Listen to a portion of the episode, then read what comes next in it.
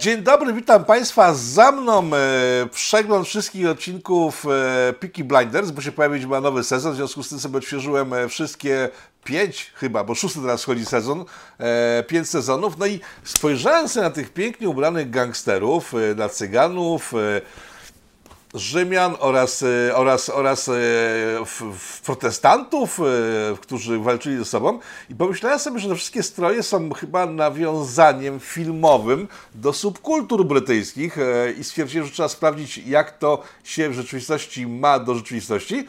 Jeżeli rzeczywistość może mieć z rzeczywistością coś wspólnego mniej lub bardziej. I w związku z tym, że mamy pewnego człowieka, eksperta, który zna się na subkulturach, Połączyliśmy się i będziemy o nich rozmawiać. Witam Panie Bartoszu, witam Państwa i Pana Bartosza Łukaszewskiego w polityko.tv. Serdecznie witam, witam Państwa, witam Pana redaktora, dziękuję za kolejne zaproszenie. E, porozmawiamy dzisiaj o subkulturach brytyjskich. Czy ten obraz, który widzimy w telewizorach, oglądając Peaky Blinders, to jest obraz e, autentyczny, faktycznie e, tak w ten sposób ubierali się mafiozi i gangsterzy brytyjscy przed II wojną światową, czy jest to bardziej zaciągnięte z subkultur, które się pojawiły po II wojnie światowej? To jest pewnego rodzaju konglomerat, to jest pewnego rodzaju fuzja, to jest pewnego rodzaju synkretyzm i tutaj nie powinniśmy odbierać e, reżyserom, scenarzystom e, możliwości kreowania pewnego obrazu. Natomiast ten obraz to jest połączony obraz zarówno gangów, e, gangów brytyjskich, jak i gangów amerykańskich, gangów, które w Stanach Zjednoczonych, w Chicago, w Nowym Jorku też powstawały i to również przed wojną. Ten styl był, ten styl był bardzo specyficzny, ten styl był właśnie właśnie elegancki, e, związany raczej z odniesieniem do wyższych klas społecznych, choć e, co ciekawe, tak zupełnie realnie, to powinniśmy poszukać korzeni tego stylu ubioru i jego dzisiejszych emanacji, no przede wszystkim, przede wszystkim właśnie we wspomnianych E, subkulturach e, takich jak e, Teddy Boysi, takich jak Moci, a to wszystko działo się już po 1945 roku, czyli już po zakończeniu II wojny światowej i miało swoje bardzo specyficzne źródła. Otóż tym głównym źródłem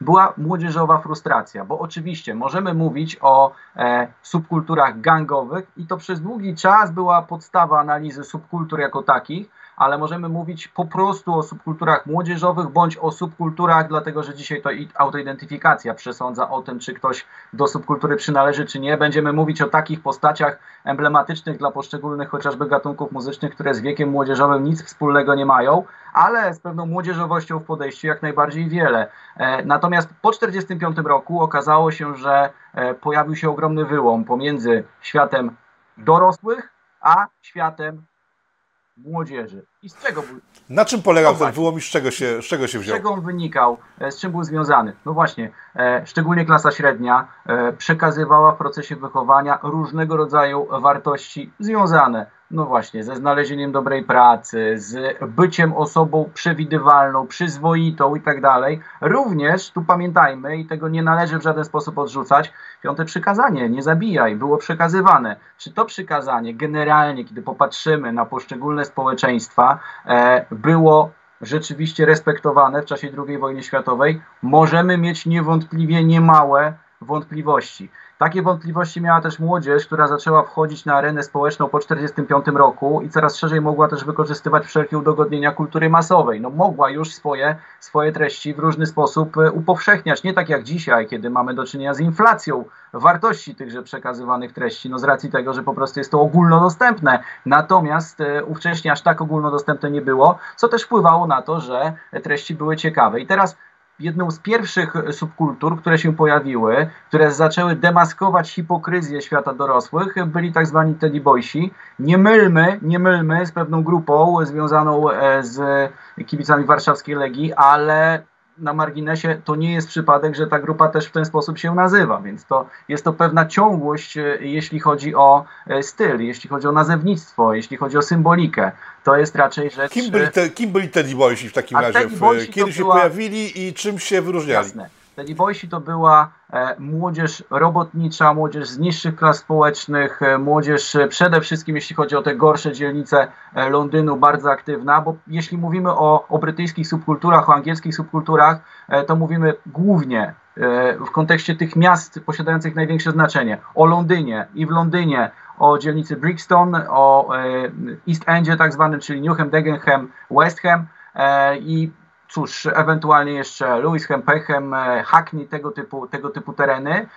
Jeśli chodzi o kolejne miasta, Birmingham, Bristol, Nottingham, i to te główne, e, trochę też Manchester. E, natomiast e, Teni Boysi to była młodzież, która zgłaszała akces do, w cudzysłowie, do wyższych klas społecznych, chociaż miała zupełnie inne pochodzenie, w ten sposób, że starała się odrestaurować styl arystokracji brytyjskiej jeszcze sprzed II wojny światowej. I były to garnitury, były to szykowne kołnierze, były to różnego rodzaju wystawne stroje, ale... Ale też oryginalne fryzury, które jest. troszeczkę nie pasowały do tych strojów. Oryginalne fryzury, e, pewne elementy właśnie być może podejścia prześmiewczego, trochę kontestującego, polegające na przykład na tym, że kołnierzyk był raczej rozpięty, że fryzura była specyficzna, e, że nie pasowała, e, że i później to zresztą rozwinęli młodsi, o których będziemy mówić, że nie zawsze te style pasowały do siebie, jeśli mielibyśmy mówić o stylu właśnie stricte arystokratycznym, ale chodziło o to, o to, żeby zamanifestować swój sprzeciw, żeby pokazać, że my też jako ta młodzież tak zwana trudna, z niższych klas społecznych ma prawo, może to pokazać, my też możemy w ten sposób, w niczym nie jesteśmy gorsi. Zresztą te Libojsi byli e, raczej nastawieni antyimigrancko, raczej, e, kiedy mówimy o Telibojsach, późniejszych mocach, to jest podbudowa późniejszej późniejszej e, subkultury skinheadowskiej. Natomiast e, nie możemy powiedzieć oczywiście o tym, że e, antyimigrancka postawa była fundamentem skinheadów. Było dokładnie odwrotnie, co ciekawe, ale do tego, ale do tego przejdziemy. Natomiast, co jest ważne, pojawiała się też konkurencyjna grupa. Nie tylko Teddy, Teddy Boysi, którzy jeździli na skuterach, którzy raczej do edukacji tej instytucjonalnej mieli stosunek dość specyficzny to rzeczywiście taka mocno, mocno zrewoltowana, aczkolwiek specyficznie podchodząca do rzeczywistości i bardzo, i bardzo zresztą dbająca o swój styl grupa. Natomiast ta grupa zaczęła, e, zaczęła konfrontować się mocno e, z grupą rockersów. Po prostu z fanami rock'n'rolla, no wiadomo, czarne skórzane kurtki i tak dalej, nie będziemy tłumaczyć, to jest raczej dość oczywiste.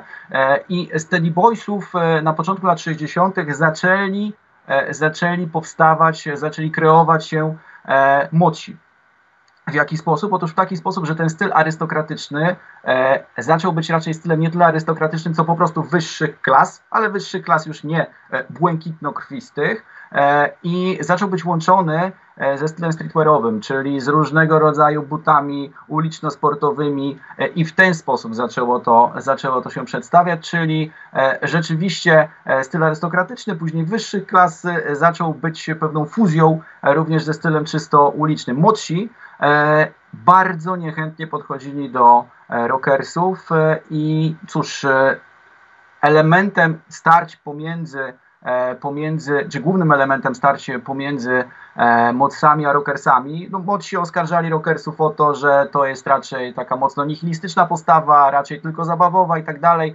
a warto byłoby na przykład zadbać o społeczność lokalną. I tu dochodziło do, do pewnych tarć, również jeśli chodzi o styl po prostu, no to przecież gorąca młodzieżowa krew i w 1964 roku doszło właśnie do tego najważniejszego starcia na plaży w Brighton, e, po którym zapanowała w Wielkiej Brytanii panika moralna, tam starcia trwały przez e, dwa dni w mediach, panika, panika, moralna, panika medialna. E, okazało się, że młodzież, e, no właśnie, raczej nie ma zapewnionej konstruktywnej organizacji czasu wolnego, raczej sama stara się w ten sposób swój czas wolny, e, swój czas wolny wypełniać i zaczęto rozmawiać na temat tego, co uczyniono nieodpowiednio, że takie sytuacje mają miejsce, o co chodzi, dlaczego w ten sposób. Ja jeszcze zaprezentuję, jeśli chodzi o styl, to jeśli chodzi o styl, jeśli uda mi się niczego nie zdewastować nie popsuć, o, Tutaj mamy The Who, to jest e, główna, to jest główna grupa e, muzyczna, jeśli chodzi o subkulturę moców, The Who, ale również e, The Jam e, i tego typu, tego typu e, prepunkowe, można by było powiedzieć, brzmienia muzyczne, e, trochę ska, trochę właśnie oscylujące wokół, wokół podwali muzyki punkowej. No i cóż, i pamiętajmy jeszcze o jednej ważnej rzeczy. Lata 50. i 60. to są jeszcze lata dobrobytu, więc oczywiście można mówić o tym, że e, powstała w Wielkiej Brytanii, szczególnie w Anglii, e, panika moralna, panika medialna, że zaczęto uderzać w wysokie tony, tyle że sytuacja ekonomiczna i dobrostan społeczny jak najbardziej był dostrzegalny. To nie były jeszcze czasy kryzysu, tu nie było tego typu problemów. Jeśli pewne problemy zaczynały się pojawiać, to problemy z imigracją, bo przecież takie dzielnice jak chociażby Brixton, to zaczynały być dzielnice mocno, nie tyle nawet angielskie, co po prostu karaibskie wręcz. I tak można by to było określić, ale jeszcze myślę, że warto, warto, warto uściślić jedną kwestię. Mówimy o subkulturach, a subkultury to albo, to albo sprzeciw wobec rzeczywistości, różne formy tego sprzeciwu, kontestacja, albo, i to nie jest oczywiście wykluczające, a może po prostu i sprzeciw, i indywidualny styl. Dzisiaj w społeczeństwie ponowoczesnym, niektórzy mówią o społeczeństwie 5.0, transhumanistycznym, bardzo często mówimy już po prostu o subkulturach, które szukają tylko sposobu wyrazu, tylko odróżnienia, a tego sprzeciwu specjalnie ugruntowanego czy potraktowanego refleksją intelektualną e, raczej nie dostrzegamy. E, lata 50., 60. to jeszcze bardzo mocne połączenie obu tych, obu tych gałęzi, obu tych fundamentów subkultur. Rozumiem, jeżeli w e, Moci słuchali dechu, więcej wiemy jaki gatunek, to czego słuchali rockersi? Wspomniał Pan o Karaibach, rozumiem, że to stamtąd wzięło się reggae między innymi, bo Jasne. to e, skinheads, reggae i tak dalej, to, jest, to miało dużo wspólnego, bo to zrodziło ska, ale w, cofnijmy się do początku, czyli mamy moców z dechu, rockersi czego słuchali? Bo jeżeli słyszę o rock and rollu w latach 50., no to kojarzy mi się bardziej z chłopcami w białych koszulkach, śpiewającymi piosenki o miłości. To jak wyglądał rock and roll e, w tym czasie? Rockersi, rockersi słuchali właśnie tamtego rock'n'rolla. Powiedzmy, że rockersi, e, że rockersi e, jeśli mówimy o rockersach brytyjskich, a nie o fanach rock'n'rolla amerykańskich. To była grupa bardziej zmontowana i to była grupa trochę ostrzejsza, jeśli chodzi o styl, ale to po prostu byli fani tej muzyki, tamtych podwalin muzyki rock'n'rollowej, późniejszej muzyki rockowej. E, to jakie, to jakie to zespoły były, żebyśmy mogli teraz sobie tak unaocznić ale to ich nawet, wybór? Ale to nawet nie zespoły, no to po prostu Elvis Presley, Buddy Holly i tak dalej. To, to, to wszyscy, ci, wszyscy ci znani wykonawcy, wszyscy ci znani wykonawcy. Którzy nam się z buntem kompletnie nie kojarzą. Nam się z buntem nie kojarzą, tylko że E, czy kojarzy nam się, e, powiedzmy potocznie, kolokwialnie, e, subkultura skinheadowska z muzyką reggae? Też nam się specjalnie nie kojarzy. I to jest właśnie cała trudność analizowania subkultur związana z niebywałym synkretyzmem i z przenikaniem się wszelkich, wszelkich nurtów. I to jest znakomity moment, żeby w tym momencie przejść właśnie E, do e, kwestii subkultury skinheadowskiej. No bo cóż takiego się działo w Londynie, szczególnie na południu Londynu, szczególnie Brixton? Otóż e, o ile niewątpliwie E, młodzi Londyńczycy, szczególnie e, ci o powiedzmy niższym pochodzeniu społecznym, e, nie stygmatyzując, tylko po prostu mówiąc o tym, jakie było ich usytuowanie w strukturze społecznej, ci młodzi Londyńczycy oczywiście charakteryzowali się ogromną walecznością, ale nie charakteryzowali się specjalnymi przymiotami fizycznymi, co oznaczało, że no specjalnie rozbudowani nie byli, więc jeśli dochodziło do konieczności ochrony danego miejsca w klubie muzycznym, to raczej były to po prostu starcia i nikt tego porządku nie potrafił zaprowadzić, bo kiedy były to równe siły, nie było przewagi, to i nie było spokoju. E, dlatego zaczęto zatrudniać, e, zaczęto zatrudniać e, przede wszystkim imigrantów karaibskich, którzy, którzy swoją drogą charakteryzowali się jednak zdecydowanie większą muskulaturą, większą siłą fizyczną i oni przynieśli podstawy tak zwanej kultury rocksteady tamtejszej, która zaczęła się mocno, mocno e, konfrontować. W tym przypadku to nie była żadna antagonistyczna konfrontacja z różnego rodzaju e, stylami muzycznymi, właśnie takimi jak prepunkowi, młodsi, The Who, The Jam, czy po prostu ze stylem moców. I cóż, i tam na terenie Brixton powstali tak zwani Tread Skinny, tradycjonalni skini, skini z 69 roku, bo to 1969 rok, tak jak nazwa jednego ze słynnych zespołów, Shem 69. E, I cóż, e, i okazało się, że e, ta młodzież robotnicza z południa Londynu porozumiała się z imigracją karaibską, która, mówiąc najprościej kolokwialnie, stała na bramkach w klubach i stworzyła wspólną grupę, wspólną subkulturę, wspólną ideę związaną z dbałością o społeczność lokalną i ze schludnością indywidualną. Stąd kołnierzyki, szelki, wypastowane buty. No i tu dochodzimy. Czystość czystość, tak, czystość, ale, ale indywidualna, schludność, jeszcze w żadnym wypadku nie czystość rasowa. To jeszcze nie ten moment, y, to jeszcze nie, nie, nie żadna czystość rasowa, która pojawiła się później, ale ona pojawiła się z, y, z pewnego y, względu. Ona pojawiła się dlatego, że w naturalny sposób w Anglii, w której doktryna keynesistowska powoli zaczęła nie nadążać za zmieniającą się rzeczywistością. Mieliśmy 69, powstali skinheadzi e, i co później? No i mamy, i mamy rok 1973 i to sytuacja, kiedy na losy Wielkiej Brytanii e, wpłynął, no właśnie, Izrael i wpłynęły państwa arabskie. Doszło do e, wybuchu wojny, wojny Jom Kippur e, i cóż, państwa arabskie zaatakowały Izrael, e, doszło do, e, doszło do e, starć, następnie zostało nałożone na sojuszników Izraela embargo naftowe, no i pojawił się problem, dlatego że ceny ropy wzrosły czterokrotnie, giełdy zaczęły potężnie tracić, E, giełda brytyjska, co ciekawe, to jest naprawdę, to jest naprawdę e, zastanawiające, z drugiej strony wręcz zatrważające, a oprócz tego jeszcze należy mieć szacunek, bo potrafiono po takim krachu z tego krachu wyjść ostatecznie, ale giełda brytyjska straciła 73%, jeśli chodzi o swój indeks. I dopiero w 1987 roku powróciła do, do tego stanu.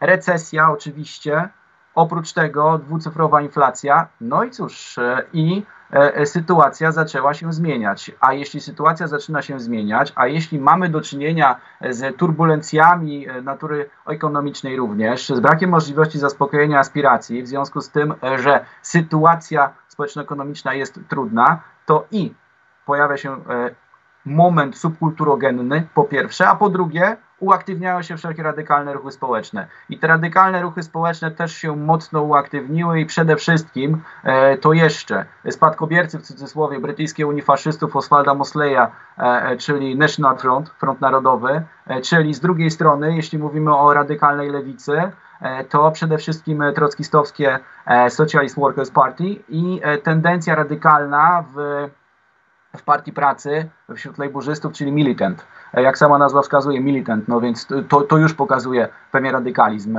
I na fali tego, na fali tego kryzysu ekonomicznego e, wyrosła subkultura punkowa. Subkultura punkowa, która tak jak rockersi byli e, naturalnie, naturalnie e, nie tyle antagonistyczni, co byli naturalnym wrogiem dla modsów, modsi tak uważali, tak dla e, tak dla skinheadów naturalnym wrogiem zaczęli być punkowcy, ale to również jeśli chodzi o styl, dlatego że o ile styl, o ile styl skinheadowski miał e, bardzo dużo wspólnego właśnie ze schludnością, czystością i tak dalej, jednolitością, homogenicznym w tym kontekście wyglądem, no to cóż, e, e to jeśli chodzi o, o kwestie e, czystości, schludności i tak dalej, subkultura punkowa była zupełnym przeciwieństwem. I ona była... Z No, punk, czyli śmieć, także po prostu to samo wskazuje na to, jak oni mogli wyglądać, wiadomo, wiadomo jak wyglądali. E, jak ja przyglądałem się w e, sytuacji w Wielkiej Brytanii w 70 latach, to jest po prostu dokument o muzyce zresztą, e, no, zauważyłem pewne rzeczy, które mnie jako mieszkańca Polski no, jakoś tak zmroziły, tak? bo to jest tak,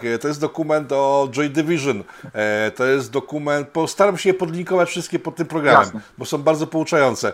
E, jest Wściekłość i Brud, czyli dokument o Sex Pistols, jest e, dokument o, e, Boże, jeden The Clash, jeszcze jednym zespole. I one wszystkie zaczynają się bardzo specyficznie pokazane. Są zdjęcia dokumentalne kręcone przez właśnie ówczesnych młodych muzyków, ewentualnie właśnie e, subkultury na ulicach brytyjskich. I te ulice wyglądają jak slumsy. Tam po prostu jest bieda, tam są ludzie bezrobotni, tak. tam są śmieci wrzucane miesiącami i kiedy się patrzy przez pryzmat Polski w tym czasie, czyli komunizmu, no to komunizm wygląda po prostu jak, jak, jak, jak raj na świecie. I teraz tak przypominam sobie taką postać, którą poznałem osobiście, to jest reżyser, e, inaczej operator brytyjski, on nagrywał wideo dla Orbitala, dla Blera, dla paru jeszcze innych rzeczy, my się poznaliśmy w latach 90. i on, uwaga, E, skończył łódzką filmówkę i był hardkorowym komunistą. Ja tego nie mogłem kompletnie zrozumieć. Jak może być Bryty... On był Walijczykiem, co prawda, e, Maxim Ford. Pozdrawiam, Maximie, jeśli jeszcze żyjesz. Pewnie jeszcze żyjesz. E, I było dla mnie wielkim szokiem to, że Brytyjczyk może być ultrakomunistą. Tyle, że jeśli on przyjechał z Walii, która jest najbiedniejszym regionem generalnie Wielkiej Brytanii, z tej biednej wali, w której po prostu wszystko śmierdziało, zapadało się, nie było pracy. Przypominam akcję z górnikami. Nagle do Polski, gdzie dostał za darmo akademik, za darmo jedzenie, a dookoła były czasy gierkowskie, no to dla niego komunizm był czymś niesamowitym. Ale wróćmy teraz do Wielkiej Brytanii. Pojawiają się punk rockowcy, e, wykorzystywanie oczywiście przez establishment, bo McLaren przejął Sex Pistols, tworząc z nich taki boys band de facto, a i tak ten boys band był ultra radykalny w przekazie. No właśnie, jeśli chodzi o, jeśli chodzi o kwestię samego określenia punk, E, i tego powiązania, i tego powiązania z zalegającymi czasami wręcz ekskrementami na ulicach i tak dalej, to pamiętajmy o tym, że to określenie, że to określenie w żadnym wypadku jeszcze nie oznaczało, że e, sami pankowcy pomimo tego, że tak prześmiewczo się nazwali, to siebie uważali, powiedzmy, za e, osoby niewartościowe, bo to zupełnie inna kwestia. Tylko o ile, o ile patrzymy na skinheadów, którzy starali się działać na rzecz społeczności lokalnej, no to tu rzeczywiście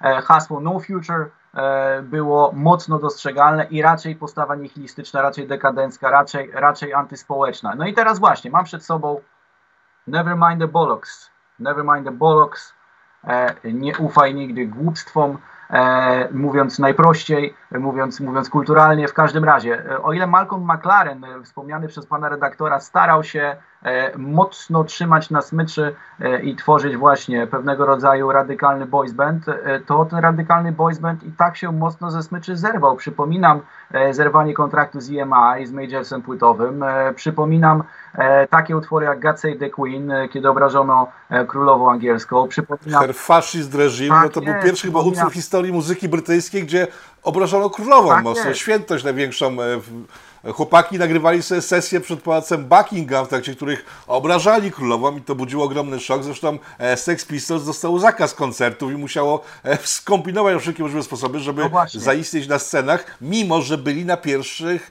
miejscach list przebojów w Wielkiej Brytanii. I przypominam Anarchy in the UK, I am the Antichrist, I wanna be an okay, jestem antychrystem, nie chcę być, nie chcę być w porządku. Wszystkie te przekazy były naprawdę zatrważające na pewnym etapie dla establishmentu, który próbował wykorzystywać, infiltrować oczywiście.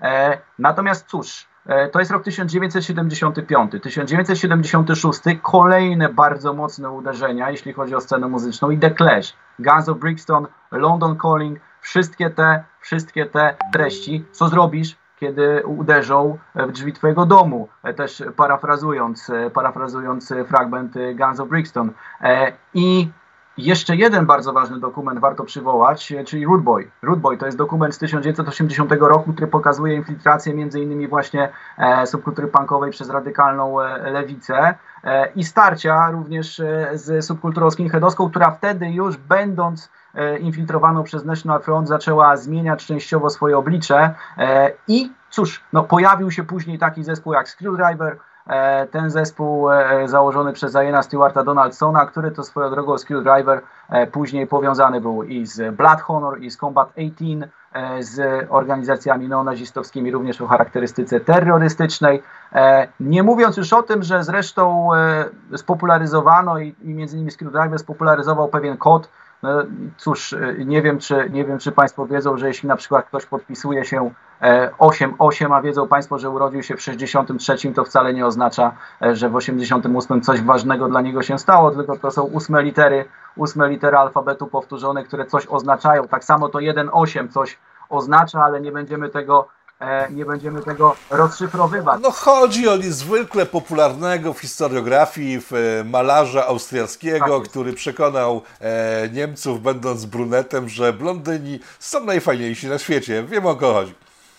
Naturalnie właśnie, właśnie mówimy o, o tej postaci, o tym, o tym swoją drogą sfrustrowanym młodzieńcu, który uznał, że zmieni bieg wydarzeń światowych. W każdym razie. Który pokazał, jak bardzo groźni są niedocenieni artyści który pokazał również, jak bardzo groźny jest dysfunkcyjny proces socjalizacji i wychowania tym bardziej, ale to już, ale to już e, kolejne kwestie. Natomiast e, bardzo, e, bardzo użyteczne będzie tutaj przywołanie nazw kolejnych pionierów subkultury punkowej, nazw zespołów kolejnych pionierów subkultury punkowej w Wielkiej Brytanii, takich jak no właśnie UK Subs, co to znaczy UK Subs? No to znaczy, że po prostu e, Subs od substitutes, czyli e, rezerwowi angielscy. No już wiadomo, że brzmi to specyficznie. Chaos UK, czyli United Kingdom chaos, po prostu chaos tamtejszy. To wszystko e, e, wyglądało w sposób rzeczywiście dość upiorny i kiedy ogląda się dokumenty, kiedy e, słucha się wypowiedzi, sytuacja nie wyglądała ciekawie, to też z tego powodu, że dogorywała, dogorywała gospodarka, że doktryna ekonomiczna okazała się już nieprzystającą. Z jakiego powodu? Jasne, był wyż demograficzny, czyli ręce do pracy tak, tylko nie było miejsc pracy, tylko ta młodzież nie mogła się zatrudniać, czasami nie chciała się zatrudniać, była zrewoltowana, więc nie płacono podatków. W związku z tym w 1976 roku, w tym samym roku, kiedy powstało The Clash, e, zaciągnięto pożyczkę z Międzynarodowego Funduszu Walutowego i dopiero zaczęły się problemy z tego powodu, że ta pożyczka oznaczała, że doktryna państwa opiekuńczego e, musi być e, już wygaszana i zaczęto raczej gospodarkę mocno liberalizować, włączono pakiety oszczędnościowe wszelakie, E, I sytuacja, I sytuacja zaczęła eskalować na tyle, że w 1977 roku notuje się właściwie moment e, w historii subkultur i już nie tylko brytyjskich, ale światowych, e, nazywający się rewolucją punkową. 77 rok to jest rewolucja punkowa, kiedy punk rock rozlał się, rozlał się właściwie na cały świat. Oczywiście równolegle w tym czasie zaczynała funkcjonować jeszcze inna subkultura z czymś związana, związana z trochę innym podejściem do rzeczywistości. E, jeżeli znowu się pojawiło Clash, mówiliśmy o malarzu, e, przypomnę, że te zespoły punkowe, undergroundowe, antysystemowe były bardzo uczciwe w przekazie, bo to jest coś, czego na przykład dzisiaj chyba nie znajdziemy albo z trudnością znajdziemy. One same siebie oceniały i stawiały cezury różne moralne. E, przypomnę mój ulubiony utwór The Clash mówiący o tym, że ludzie dzielą się, że subkultury dzielą się na coraz mniejsze części, są coraz głupsi, e, nie mają wiedzy o świecie i gdyby Adolf Hitler przyjechał do miasta, to by wysłali limuzynę na, na dworzec po niego, sądząc, że to jest ktoś znany, w związku z tym jest bardzo istotny. Bardzo, bardzo okrutne spojrzenie na mentalność tych młodych ludzi, ale do dziś y, myślę bardzo aktualne, bo dziś mało kto wie, na przykład kim był Czech, kim był Stalin, Lenin, e, Marks. Hitler też jest ciągle lubiany przez część społeczeństwa i ten tekst jest naprawdę bardzo aktualny. Ale przejdźmy do tych nowych, dalszych Jasne. subkultur postpunkowych, ja bo one też się wywodzą po części z, z punk rocka, bo to jest coś, co zostało po Joy Division, mhm. Peel, który mhm. powstał po, e, po Sex Pistols. Oddaję głos. Jeszcze o, czymś, jeszcze o czymś wspomnę, jeszcze o jednej grupie wspomnę, dlatego że jestem przekonany, że członkowie tej subkultury poczuliby się obrażeni i mieliby e, pełną rację, gdybyśmy o tym nie wspomnieli, ale ja tylko wspomnę w kontekście, w kontekście e, e, tej właśnie prześmiewczości, z drugiej strony mocno krytycznego podejścia, autokrytycznego, introspektywnego bardzo często. E, no cóż, tragiczna postać, jeśli chodzi o, o biografię, o to, w jaki sposób zakończyła się kariera tego muzyka, tego zbuntowanego młodzieńca. Mówię tu o Sidzie Viciusu, który to Sid przecież grał koncerty i pokazywał się bardzo często publicznie w koszulce ze swastyką.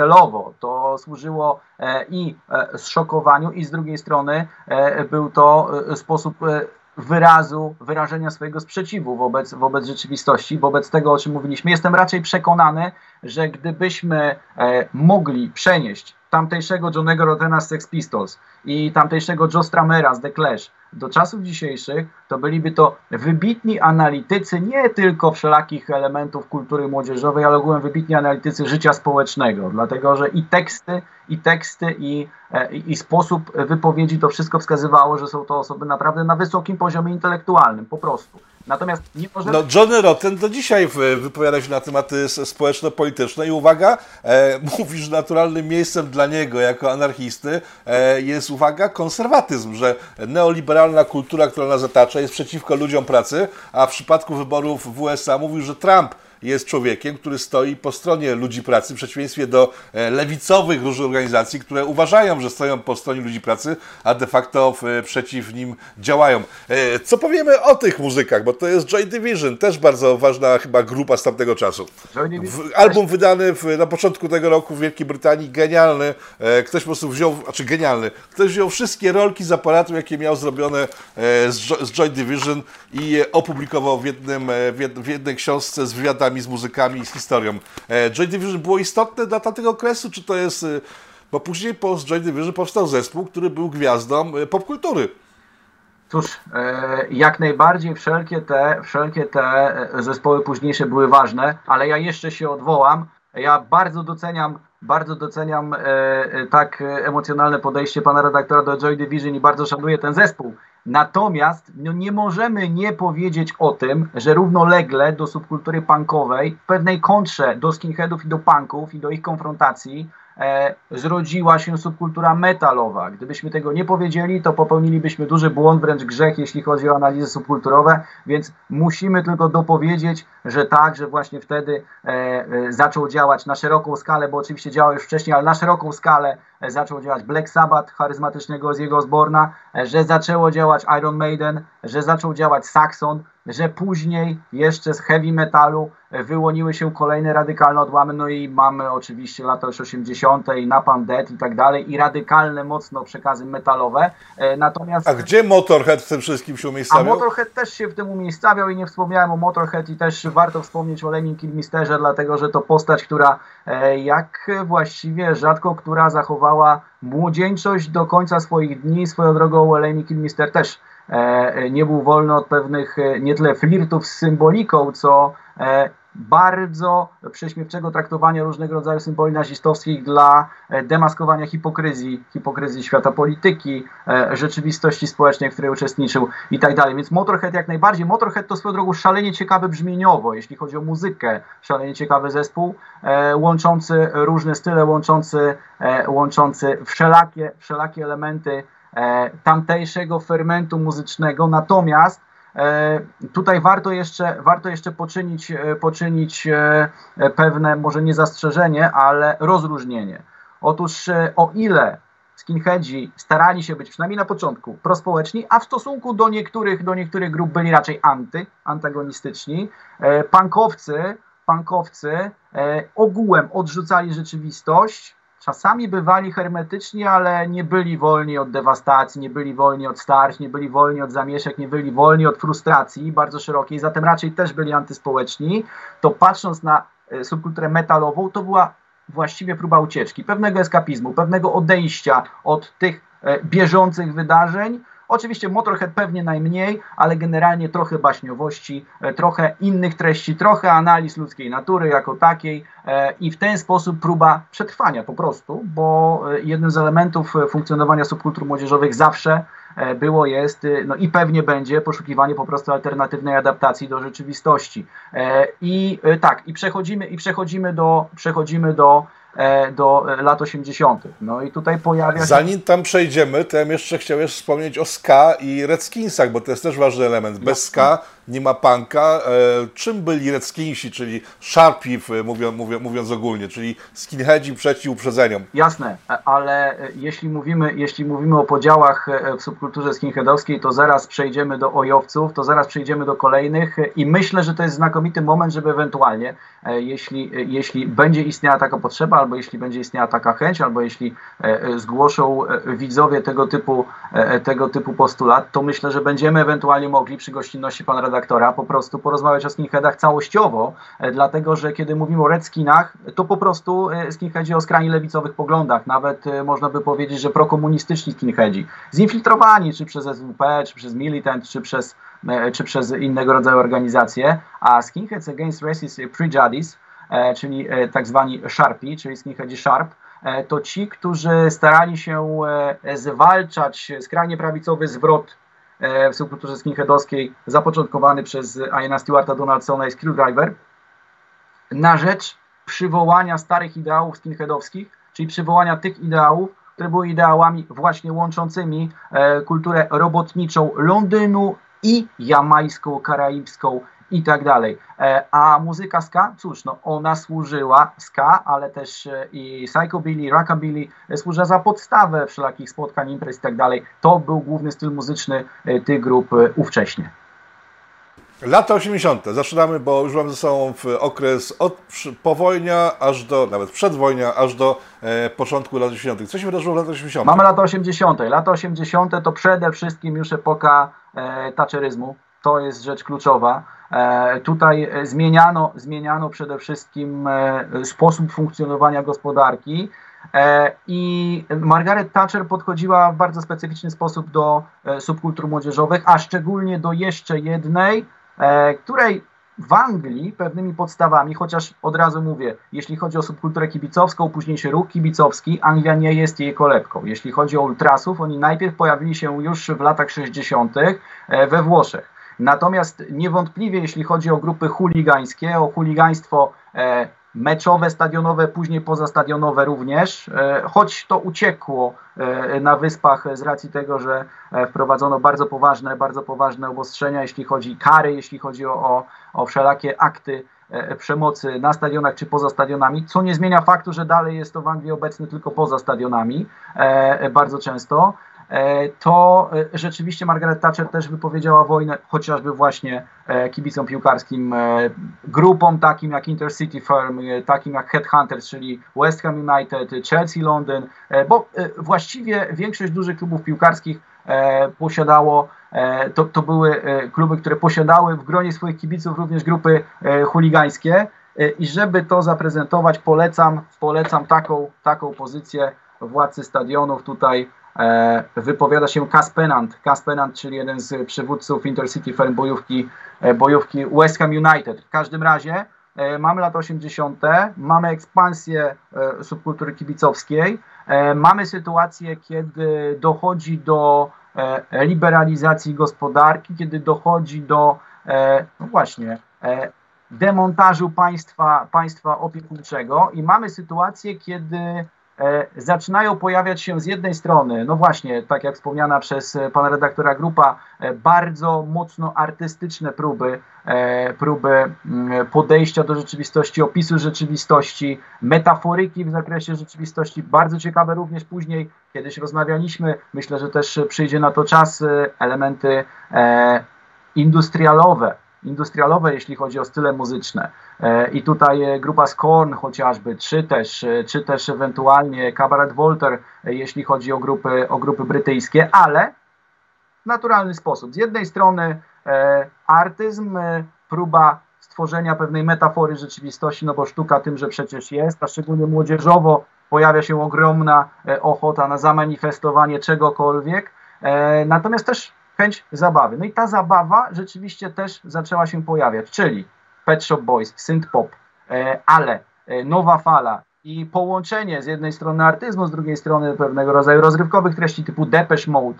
E, ja często, często odpowiadam na pytanie, czy na przykład depeszowcy to była oddzielna subkultura. Z mojej strony, gdybym miał na to pytanie odpowiedzieć, nie, to nie była oddzielna subkultura, ale nowofalowcy jako tacy już, czy, czy również synth-popowcy, tak, to, to była oddzielna subkultura, ale e, to już zupełnie inna kwestia. Musielibyśmy rozmawiać o tym, e, co subkulturą jest, e, dlaczego autodeklaracja jest podstawą, ale nie zawsze wystarcza, żeby mówić o oddzielnej subkulturze i tak dalej. Ale nowofalowa subkultura jak najbardziej wtedy istniała. I to są lata 80. Lata 80., które i w Anglii, i chociażby w Detroit, w Stanach Zjednoczonych, w Chicago, w Berlinie zaczęły również w tych ośrodkach miejskich być mocno związane z muzyką elektroniczną.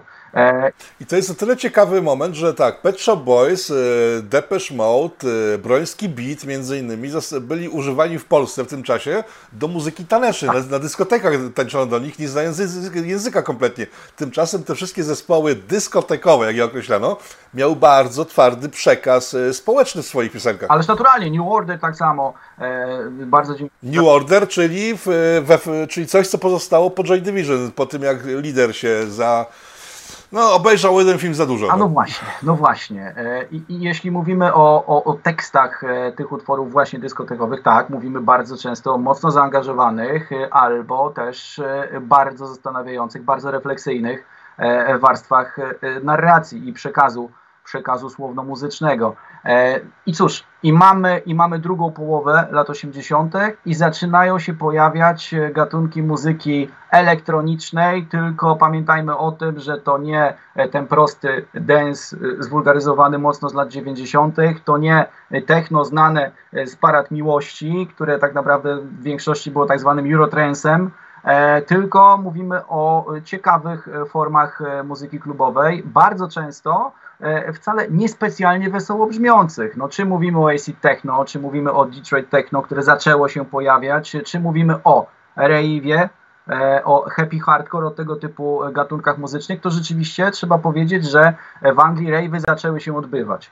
E, rave'y stały się podstawą znowu przy e, skrzyżowaniu tej muzyki i rave'u, czyli bardzo szybkiej, bardzo szybkiej, dość wesołej muzyki tanecznej z, ze stylem ragamuffin, z dancehallem, zaczęły, zaczęły obfitować już później w muzykę raga jungle, czyli bardzo szybki, połamany rytm, zaczął się pojawiać i do tego pewnego rodzaju tak zwany toasting, czyli zaśpiewy jamańskie.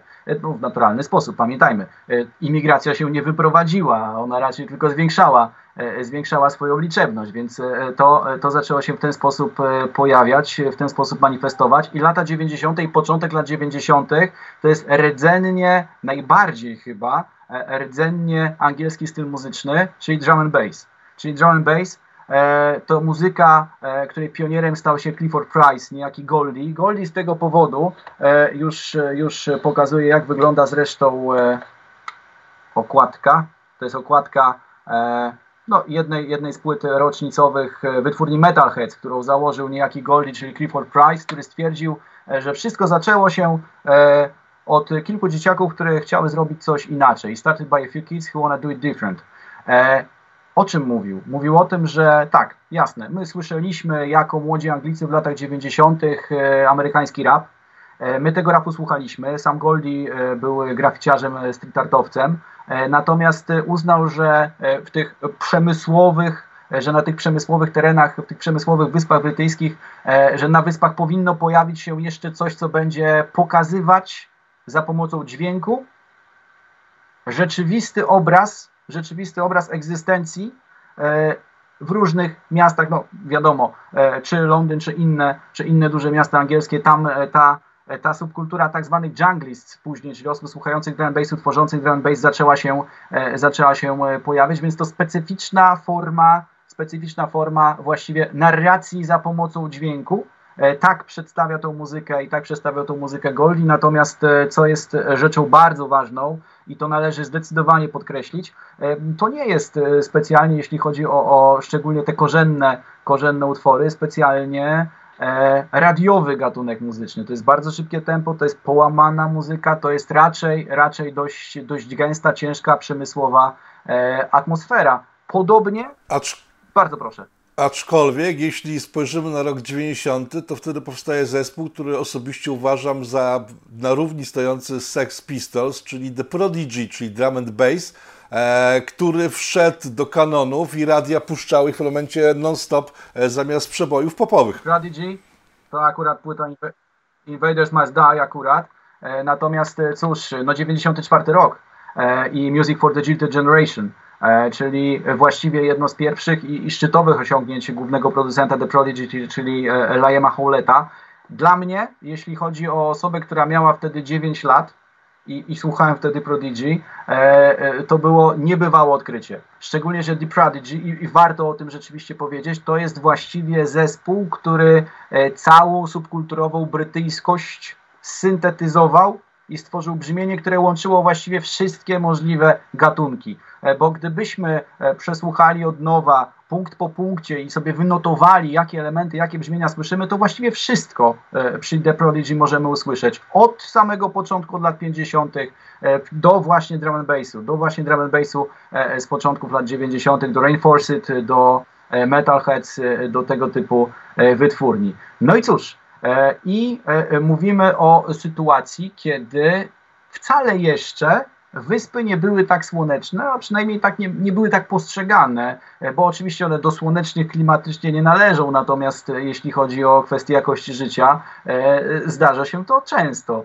E, jeśli chodzi ogółem, e, żebyśmy zrozumieli pewne podziały. E, w Warszawie, czy w Krakowie, czy w dużych miastach polskich żyje się na tym poziomie, na jakim żyje dzisiaj brytyjska prowincja. To jest, to jest ta różnica, różnica rozwojowa, no ale to dzisiaj. Natomiast to rzeczywiście jeszcze były, były mocno mocno zapóźnione rozwojowo niektóre tereny. Natomiast z tego właśnie powodu, między innymi z tego powodu pojawiła się odpowiedź na amerykański hip-hop, ale czysto brytyjska i nie tylko w postaci drum and bassu, ale w postaci tak zwanego trip-hopu w postaci tak zwanego trip-hopu i tutaj Bristol City i przede wszystkim tak zwany Bristol Sound i takie zespoły jak Massive Attack, mocno depresyjne zresztą, Massive Attack, Portishead, Tricky, wolny rytm, raczej, raczej e, przekaz dość, dość introwertyczny.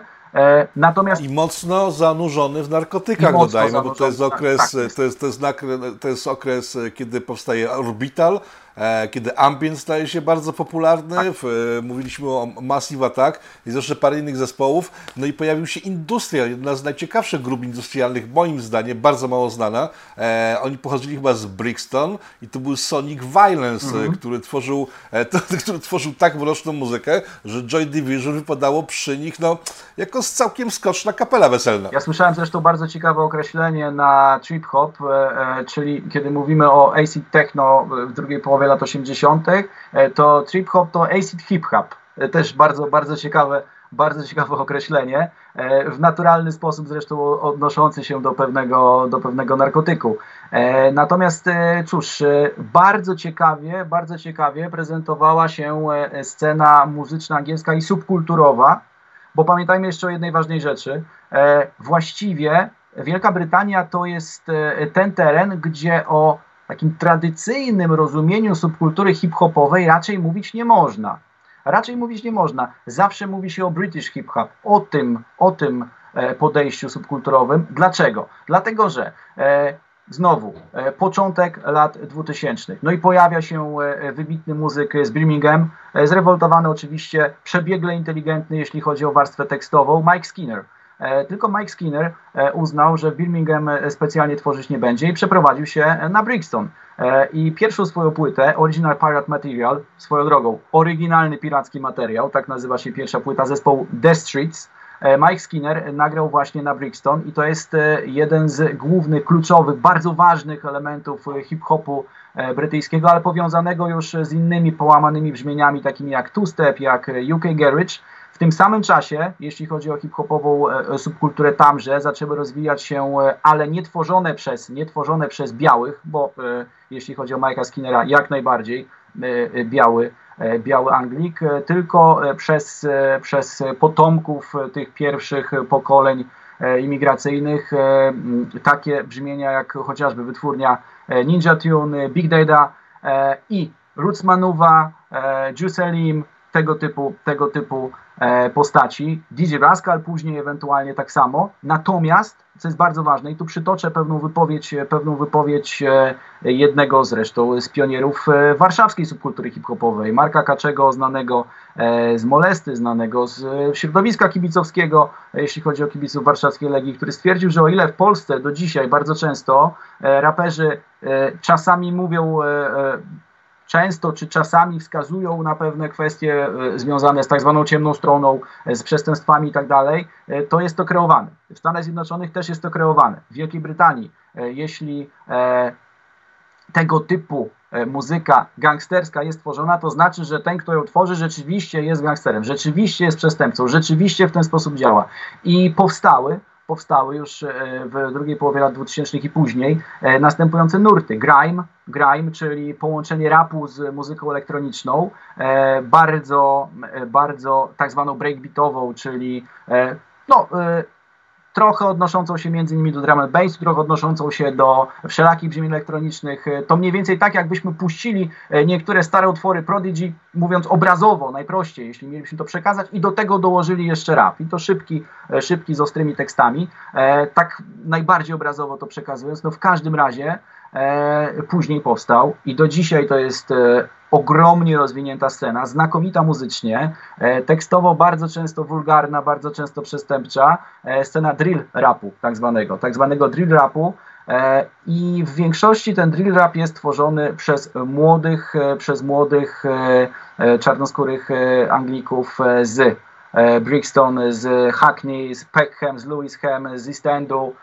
którzy cóż, no raczej po prostu przekazują wszelakie treści, wszelakie treści gangowe i konfrontują się z innymi gangami, e, czy to będzie Ice City Boys, czy to będzie Ras Millions, czy to będzie Sneak Bow, e, czy to będzie chociażby raper bardzo ciekawy, jeśli chodzi o pseudonim Abracadabra, ale, ale też świetny muzycznie. To, to wszystkie te grupy dzisiaj, jeśli mówilibyśmy o głównym fermencie subkulturowym i znowu proszę zobaczyć, E, jakie koło zrobiliśmy, e, do czego wróciliśmy. Wróciliśmy e, znowu do gangów. I oprócz, oprócz drill rapu, oprócz tej sceny, jeszcze bardzo szeroko rozwinięta jest scena postpunkowa. Dzisiejsza scena postpunkowa, chociażby polecam takie zespoły jak The Slaves, The Slaves, który to zespół zresztą wygrał niejednokrotnie wszelkie nagrody, w których mówi się o tym, że jakiś zespół jeszcze, no właśnie Punk Not Dead, przekazuje ideały punkowe. To The Slaves, The Slaves, jeśli chodzi o Londyn, znakomita grupa e, i znowu odwołamy się do, e, do czasów e, lat 60., dlatego że ta grupa w nazwie posiada, posiada odniesienie się właśnie do, do tamtejszej subkultury domoców, czyli Sleaford Mats z Nottingham. Również polecam, znakomita. I myślę, że żeby zrozumieć brytyjskie poczucie humoru, ale to dzisiejsze, żeby zrozumieć podejście Brytyjczyków do rzeczywistości, bardzo bardzo zresztą e, często kpiące, e, e, warto włączyć utwór Second. Second, second grupy Sleaford Mats, gdzie kobieta w średnim wieku, o tym nie mówiliśmy zresztą, bo to przecież kolejny element wychodzenia z nierówności społecznych, pokazywania tego, że też możemy zmiany statusu, czyli po prostu marki odzieżowe.